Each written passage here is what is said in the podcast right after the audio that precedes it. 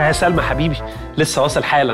ألف حمد لله على السلامة يا عمري. أنا مش عارف إزاي هاجرت وسبت القمر ده. بمناسبة الموضوع ده يا رأفت أنت هتغيب عن البلد وإحنا مش هينفع نكمل مع بعض. ما بحبش أرتبط برجالة بعاد. أنا كنت حاسس إن ده هيحصل.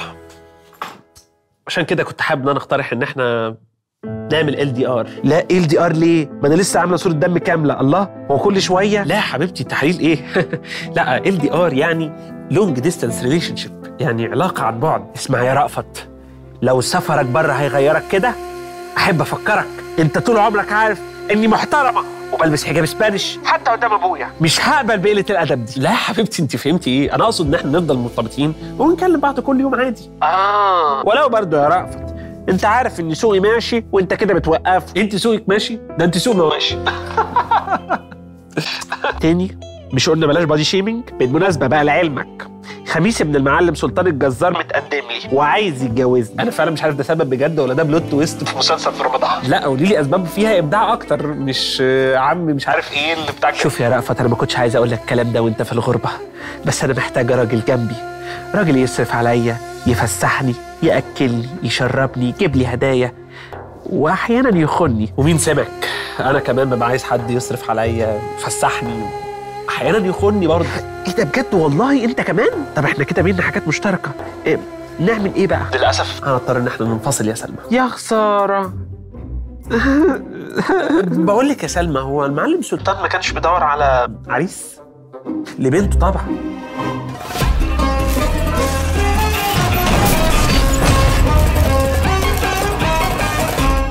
أعزائي المشاهدين السلام عليكم ورحمة الله وبركاته. أهلا بكم في حلقة جديدة من برنامج الدحيح. الإيه؟ الدحيح. دي عزيزي النسخة الرومانسية مني. الله لا يوريكي. أنا لما بحب بقى يوهو، بحب عن بعد. منذ زمن بعيد كان الرجال يسافرون وراء البحار والنساء ينتظرن عودتهم واقفين على أرصفة الموانئ يمعن النظر للأفق بحثا عن باخرة صغيرة. وها أنا ذا اليوم أنتظر هنري. إيه ده حميد؟ أنت كنت مرتبط في أرسنال ولا إيه؟ تمر كل دقيقة كأنها سنة كأن لا نهاية لها. تمر كل دقيقة بطيئة وشفافة مثل الزجاج. أرى من خلالها دقائق لا حصر لها. تصطف وراء بعضها منتظرة. لماذا ذهب إلى حيث لا أستطيع مرافقته؟ ده يا عزيزي كان وصف الكاتبة أودري نيفينجر على لسان بطلة روايتها The Time Traveler's Wife زوجة المسافر عبر الزمن. بتحكي يا عزيزي البطلة عن علاقتها بجوزها هنري اللي بيعاني من خلل جيني بيخليه يسافر عبر الزمن بشكل عشوائي بيمشي فجأة ما تعرفش راجع إمتى وهي اللي مسؤولة إنها تدير علاقتهم عن بعد. لو فكرت يا عزيزي هتجد إن هذا الكلام مش غريب شبه علاقات ال long distance بتاعتنا. بس في حالة بطلة الرواية فالمسافة كانت بالزمان وليس بالمكان. لما اتنين مرتبطين يكونوا منفصلين جغرافيا ما بيشوفوش بعض طول الوقت. العلاقات دي بتكون ظروفها مختلفة عن العلاقات القريبة وبتوريك قد إيه الإنسان المعاصر ده كائن فرهود. في الخمسين سنة اللي فاتوا بس قدر يغير من شكل العلاقات اللي ماشية 5000 سنة. الراجل يا عزيزي القديم المحترم بتاع زمان ده كان بيتجوز ست من نفس قبيلته ومن جيرانه أو حتى من نفس الأسرة زي المصريين القدماء. لكن إيه بقى؟ الراجل راح يشتغل في الكويت والبنت مش عارف بتشتغل في دبي والولد بيعمل ماجستير في أمريكا. إيه اللي حصل؟ أو حتى في نفس الأسرة زي المصريين القدماء والرومان. عشان يخلفوا نسل جديد أو يكونوا تحالفات. العيلة دي؟ تتجوز من العيلة دي؟ عشان يتحالفوا مع بعض. أنا أديك من القمح بتاعي. لو الفيضان خلص على الشعير بتاعك وأنت هتقسم معايا البقرة اللي كنت هتذبحها. بالإضافة للفايدة العملية دي فالجواز كان بيجي معاه ارتباط عاطفي يخلي الاثنين عايشين مع بعض في حالة من المودة والرحمة والرومانسية. الإنسان بقى قال لك أنا ما يلزمنيش الأهداف العملية دي. وعجبته بقى فكرة الحب الرومانسي. وعمل من وراها إيه؟ فلوس ياما. أغاني ماشي أفلام وماله. روايات رومانسية وننزل المعرض ونعمل best sellers دواوين شعر وننزل الساقيه حلقات تحقيق شغال برضه وماله. ومع الوقت يا عزيزي الحب الرومانسي ده ما بقاش دافع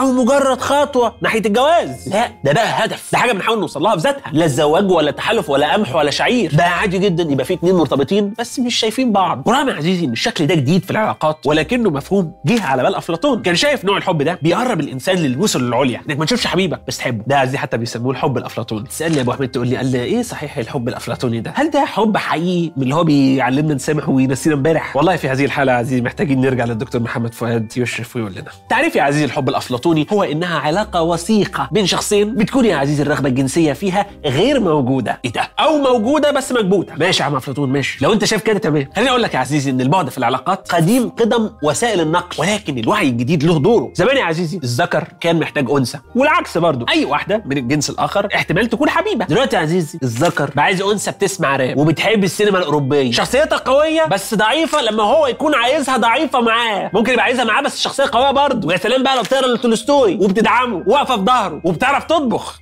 مش هنقف ورا تولستوي بس. ورومانسية. بس مش لازقة. بس رومانسية معاه بس. لما هو يبقى عايزها رومانسية. أما الأنثى فهي عايزة راجل ناشف من بره بس حنين من جوه مقرمش من بره بس جوسي من جوه. بيتفرج على أفلام تاركوفسكي وبيحبه وبيدعمه. يكون يا عزيز ما بيعيطش. إلا لو كان معاها. أو لما يكون هي عايزاه يبقى ضعيف معاها. أو تبقى عايزاه بيعيط بره عشان هي مؤمنة بضعف الراجل عادي. هو ده يا عزيزي بالظبط. الاختيارات كترت والتوقعات زادت. وبقى في أسامي روس كتير في العلاقات. هو ده اللي بوظ العلاقات زمان المواضيع كان أسهل. أول حد يوافق عليك تعيش وتموت معاه. يلا. إحنا ممكن نشوف بني آدمين على النت في كام يوم من حياتنا. نوعيات من البشر. قد اللي أسلافنا شافوه طول حياتهم. فزي ما تقول يا عزيزي بقينا نفضل إن إحنا نكون مع الشخص الصح. حتى لو ساكن بعيد. أحسن ما نبقى مع حد قريب بس أفكارنا مش شبه بعض. 75% من طلبة الجامعات دخلوا في علاقات long distance في إحصائيات اتعملت عشان تعرف إزاي ال couples بيتعرفوا على بعض. من سنة 95 ل 2017 كان زمان الناس بتقابل حب حياتها من معارفها أو من الشغل أو في الجامعة. علاقات قريبة جدا جغرافيا. بص بقى في 2017 39% من المرتبطين اتقابلوا أونلاين. الخوارزميات أصبحت الوسيط الأساسي للجواز. ال people you may know هي خطبة العصر الحديث يا عزيزي. وبالتالي علاقات كتير أصبحت long distance من بعيد. قد نتصور طبعا إن العلاقات عن بعد هي أسهل ومسؤولياتها أقل. ولكن يا عزيزي تكتشف إن العكس هو الصحيح. تخيل نسبة نجاح العلاقات عن بعد هي 58% بس. فأنت يا عزيزي لو داخل علاقة عن بعد احتمال 50% انها تبوظ كأنك بتلعب ملك وكتابه يا تكملوا يا تفركشوا. طب يا أبو حميد معلش وأنا مالي بالموضوع ده؟ مش ال long distance ده عند الناس اللي عايشة بره وبتسافر. أنا ما بسافرش. أنا قاعد في البلد فمين القمح خليني أقول لك يا عزيزي حقيقة بجدها حزينة قوي الدراسات بتعتبر ال couples اللي بيتقابلوا في يوم أو يومين في الأسبوع long distance إيه؟ دي ثلاث أرباع علاقات مصر. بالظبط يا عزيزي وده المفاجأة. كان يا عزيزي العلاقات ال long distance دي هي long distance كونها ما فيهاش physical intimacy مش عايشين في حضن بعض يعني. اللي هو تقريبا شكل علاقاتنا يعني يا عزيزي فترة الارتباط أو الخطوبة عندنا بتعتبر علاقات long distance والجواز يعتبر لم شمل أو reunion ونسبة كبيرة من المتجوزين بيسافروا لشغل أو لخدمة عسكرية. العلاقات دي ليها ظروف مختلفة. بيخلي التمسك بيها صعب ونسبة الفركشة أعلى. مش نفس السيناريوهات الرومانسية اللي نعرفها. ده سيناريو مختلف. خلينا مثلا ناخد مثال. دلوقتي اتنين اتقابلوا سواء اونلاين أو في مناسبة وحبوا بعض. وبعدين افترقوا عن بعض. هو سافر يشتغل وهي جالها طب أسنان أسيوط أو كل واحد رجع يعيش في منطقته بعيد عن التاني. هنا عزيزي يجب إن هم ياخدوا قرار. يا يكملوا؟ يا تبقى مقابلتهم مجرد ذكرى لطيفة وكل واحد يكمل في طريقه. ودي مرحلة القرار. لو كملوا بيعملوا حفلة خطوبة. أو date من بتوع Egypt يا عزيزي في ال blind منه. ويقضوا كل دقيقة ممكنة مع بعض. ويتفقوا هيتواصلوا إزاي؟ مكالمات ولا شات ولا زيارات. بعد كده بيسافر الطرف اللي هيبعد. وتيجي مرحلة النقل هيروح بقى يسافر بره هيقعد في مكان معين هيظبط شقة معينة أو حتى بيحضر ترتيبات للسفر. هنا يا عزيزي ال couple بيكونوا في حالة معروفة بالإنكار. الإيه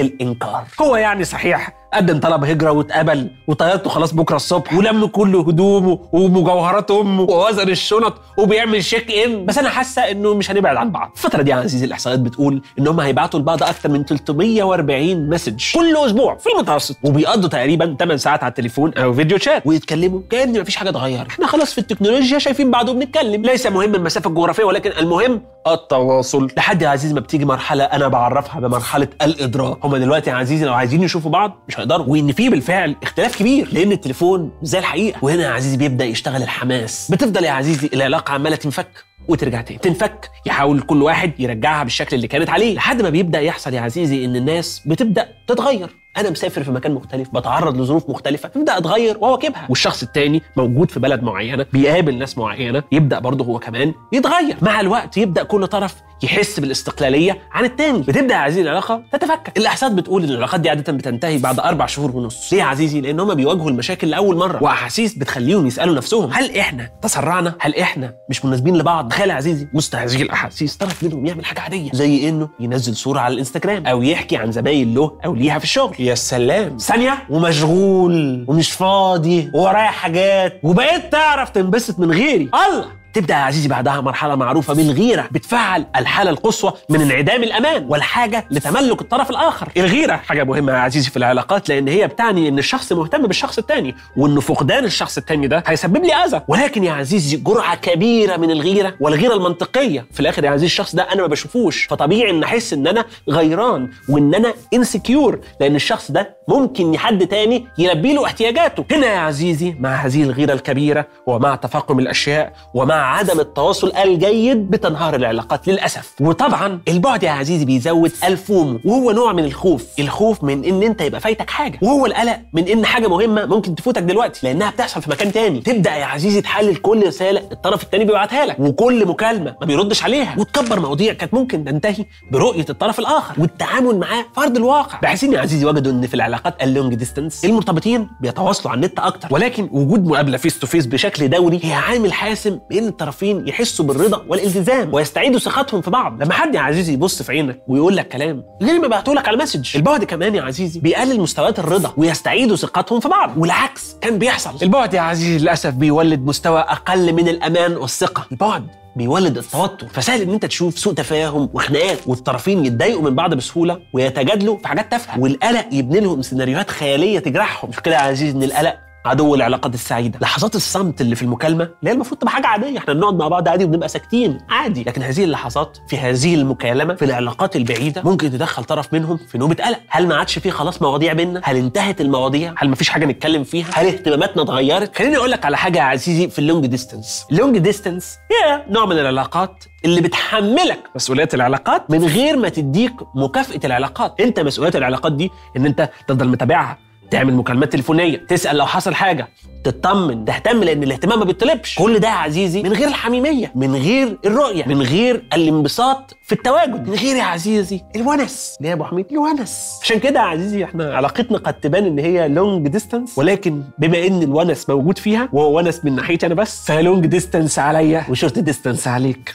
بكبسة زر تلاقيني. تقول لي إزاي يا أبو حميد؟ مفيش ونس. ما إحنا بنعمل شات وبننزل stories على الانستجرام وبنبعت صور وبنبعت voice notes وبنتكلم FaceTime أهو حاضرين مع بعض. ده حتى كمان يا أبو حميد الدراسات بتقول إن البني آدم لو عايز يقول لحد حاجة فاحتمالية إن هو يبعتها في رسالة أكبر بكتير من المكالمات الشات بيخلينا نتحكم في اللي بنقوله نفكر كويس قبل ما نقول نفلتر كلامنا ونعمل unsend لو التاني مش فاتح. نقدر نبقى مثاليين في الشات من غير ما نبين بقى قلقنا وال insecurities بتاعتنا أكتر بكتير من الحقيقة. كمان في ايموجيز بتعبر عن مشاعرنا. وستيكر ممكن نهرب بيه من أي حوار مش عاجبنا. اللهم صل على النبي. ما أنت حلو أهو بتجيب دراسات. لا تعالى اتفضل يا أخويا. اتفضل ادي اعمل برنامج مكاني. يلا. اتفضل أهو اتفضل. خد الساعة. بقعد في بيتنا أنا. مالك أنت؟ في إيه يا عزيزي؟ ها؟ بقيت مادي. قلنا 100 مرة. ما نشوفش غير برنامج الدحيح ما نشوفش منافسينه. خليني أقول لك يا عزيزي إن كلامك عن الشات صحيح. أو في منه جزء من الصحة. ولكن يا عزيزي مشكلة الشات إن بيظل فيه هناك فجوة دائمة بين اللي بنقصده وبين اللي بنوصله وبين اللي الشخص التاني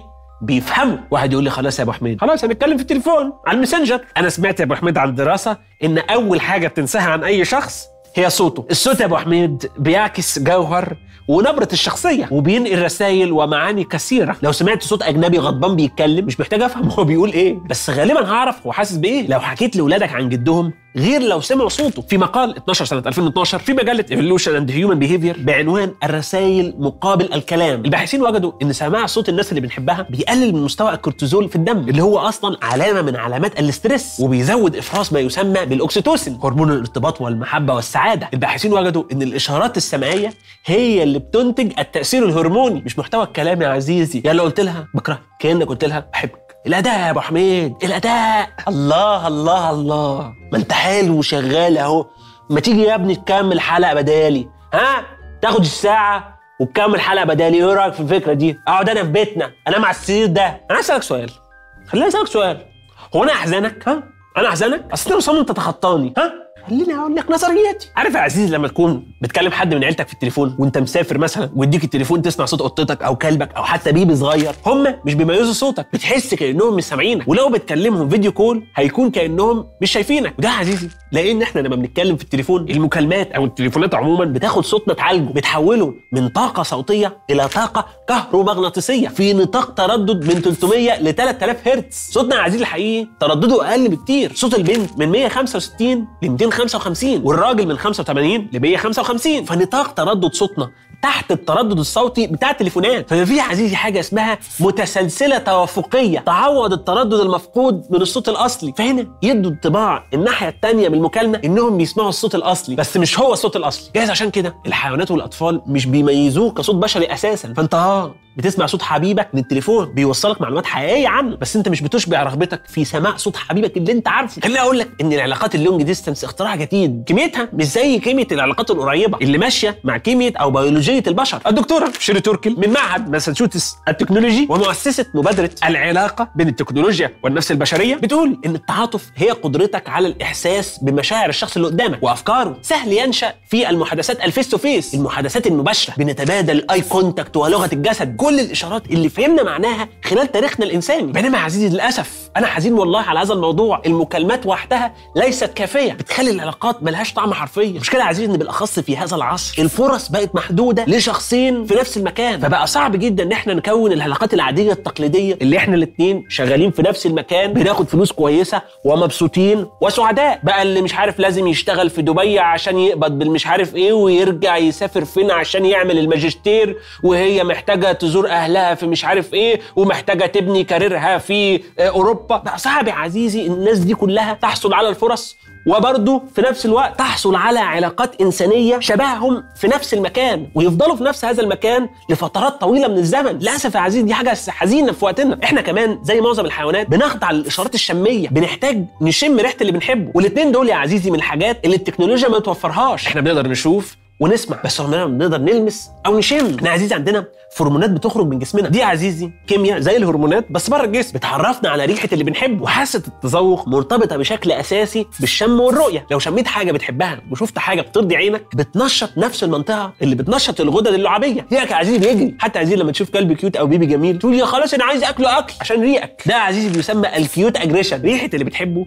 بيخلي لعابك يسيل حرفيا وتحفز شعور الأكل أو العض إحنا بس اللي عاقلين ودماغنا بتقول لنا ما ينفعش نعض حد فما بنعملش كده. واحد يقول لي معلش يا أبو حميد يعني أنت جاي تقول لنا نسيب بيتنا ونقطع أكل عيشنا عشان نقعد مع اللي بنحبهم. مبسوط يا عزيز إن أنا استفزتك أنا كده اطمنت على رومانسيتك. عزيزي المشاهد الجميل هذا البرنامج ما بيقولش اعمل أي حاجة خالص. هذا البرنامج يا عزيزي ما بيعملش غير حاجة واحدة بس. إن أفقك تتسع. متسع الأفق؟ تمام. أنت كده بتستفيد من هذا البرنامج. لكن خش في علاقات طويلة ما تخش في علاقات طويلة انت حر. أنا بس بعرفك بفهمك. بوسع افقك. إن شاء الله ترتبط ب Wonder Woman في خيالك ما يهمنيش. إن شاء الله تعيش وتموت single طالما انت مبسوط أنا مبسوط. أنا يا عزيزي بعرفك. وبوسع حدقة الأفق بتاعتك. أنا عايزك يا عزيزي تعرف الفرق اللي البعد بيخلقه وإن دي ظروف مختلفة في العلاقة. الأبحاث بتقول إن الشهور الأربعة الأولى هي الأصعب في العلاقة. ووفقا للبيانات. لو قدرت تعدي أول 8 شهور والعلاقة شغالة بعد كده الدنيا هتبقى أسهل. هي بس ظروف البعد دي بتخلي المرتبطين يضطروا يبذلوا مجهود مضاعف. ويحتاجوا إن هم يبنوا أساس قوي في علاقتهم. لأننا يا عزيزي لما نعيش بعيد عن بعض بنمرن عوامل تانية في علاقاتنا غير التواصل الجسدي. ما بنفترضش إن هم عارفين مالنا أو إيه أفكارنا لأنهم ببساطة مش شايفيننا. بنضطر نعمل كل اللي المرتبطين بيحتاجوا يعملوه عشان يعمروا مع بعض. التواصل الكلام. وبنتقبل فكرة إن الطرف الثاني يقدر يعيش من غيرنا فبنبذل مجهود عشان نبقى أشخاص. اللي يختارنا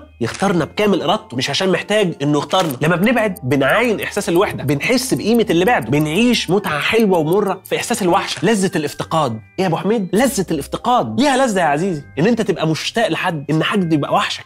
ليها لذة. وبنفرح لما بعد الشوق والفقدان ده يحصل لم للشمل بوجود قصص كتير نشاركها لما نتقابل.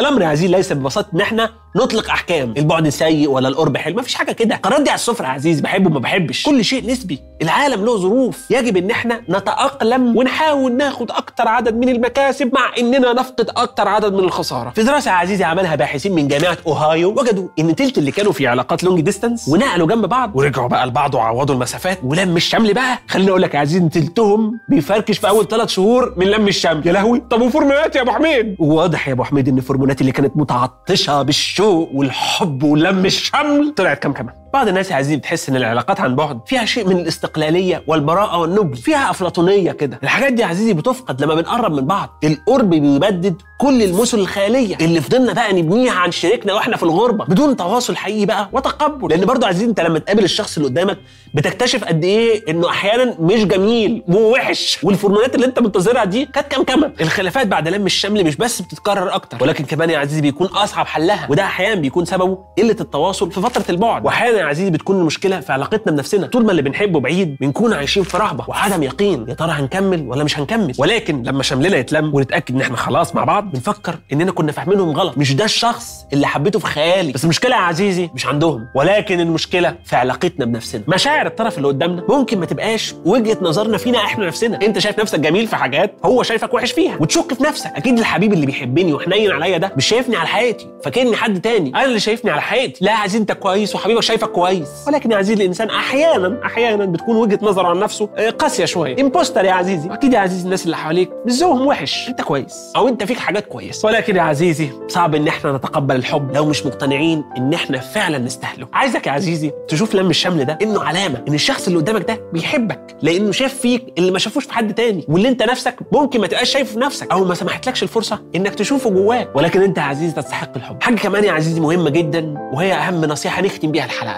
إن إحنا محتاجين نثق في اللي بيحبونا أكتر. في الآخر يا عزيزي حابب إن أنا أقول لك إني بحبك. طب أنت نص أنت بتحبني عشان بتدوس سبسكرايب اظهر على حياتك لا يا عزيزي والله لا والله لا. لا لا لا. بحبك عشان بيشوف الحلقات اللي فاتت؟ بيشوف الحلقات اللي جاية بتنزل تبص على المصادر وبتشترك على اليوتيوب برضه. شوف أسباب وليس سبب وحيد. لا خد بالك. بقول لك يا عزيزي ما تيجي نلم الشمل خليني يا عزيزي أنقل لك راي آه، الصديق محمد خميس في ال long distance relationships لما وصفها قائلا حكمته مهما كانت إمكانيات موبايلي عالية وجميلة مستحيل في حب تليفون. أنا عزيزي لما بتكلم مع حبيبتي في التليفون أنا مش بتكلم مع حبيبتي أنا بتكلم مع التليفون أنا بتكلم مع التليفون أنا بصاحب التليفون. أحب ان أقول يا أنا أيضا ليا موقف واضح من علاقات ال long distance أنا ضدها تماما مش عشان كل اللي قلناه بس عشان بتخلص الباقة. وأنا حاسس إن في حاجات أهم نخلص الباقة بتاعتنا عليها. أنت عارف صح؟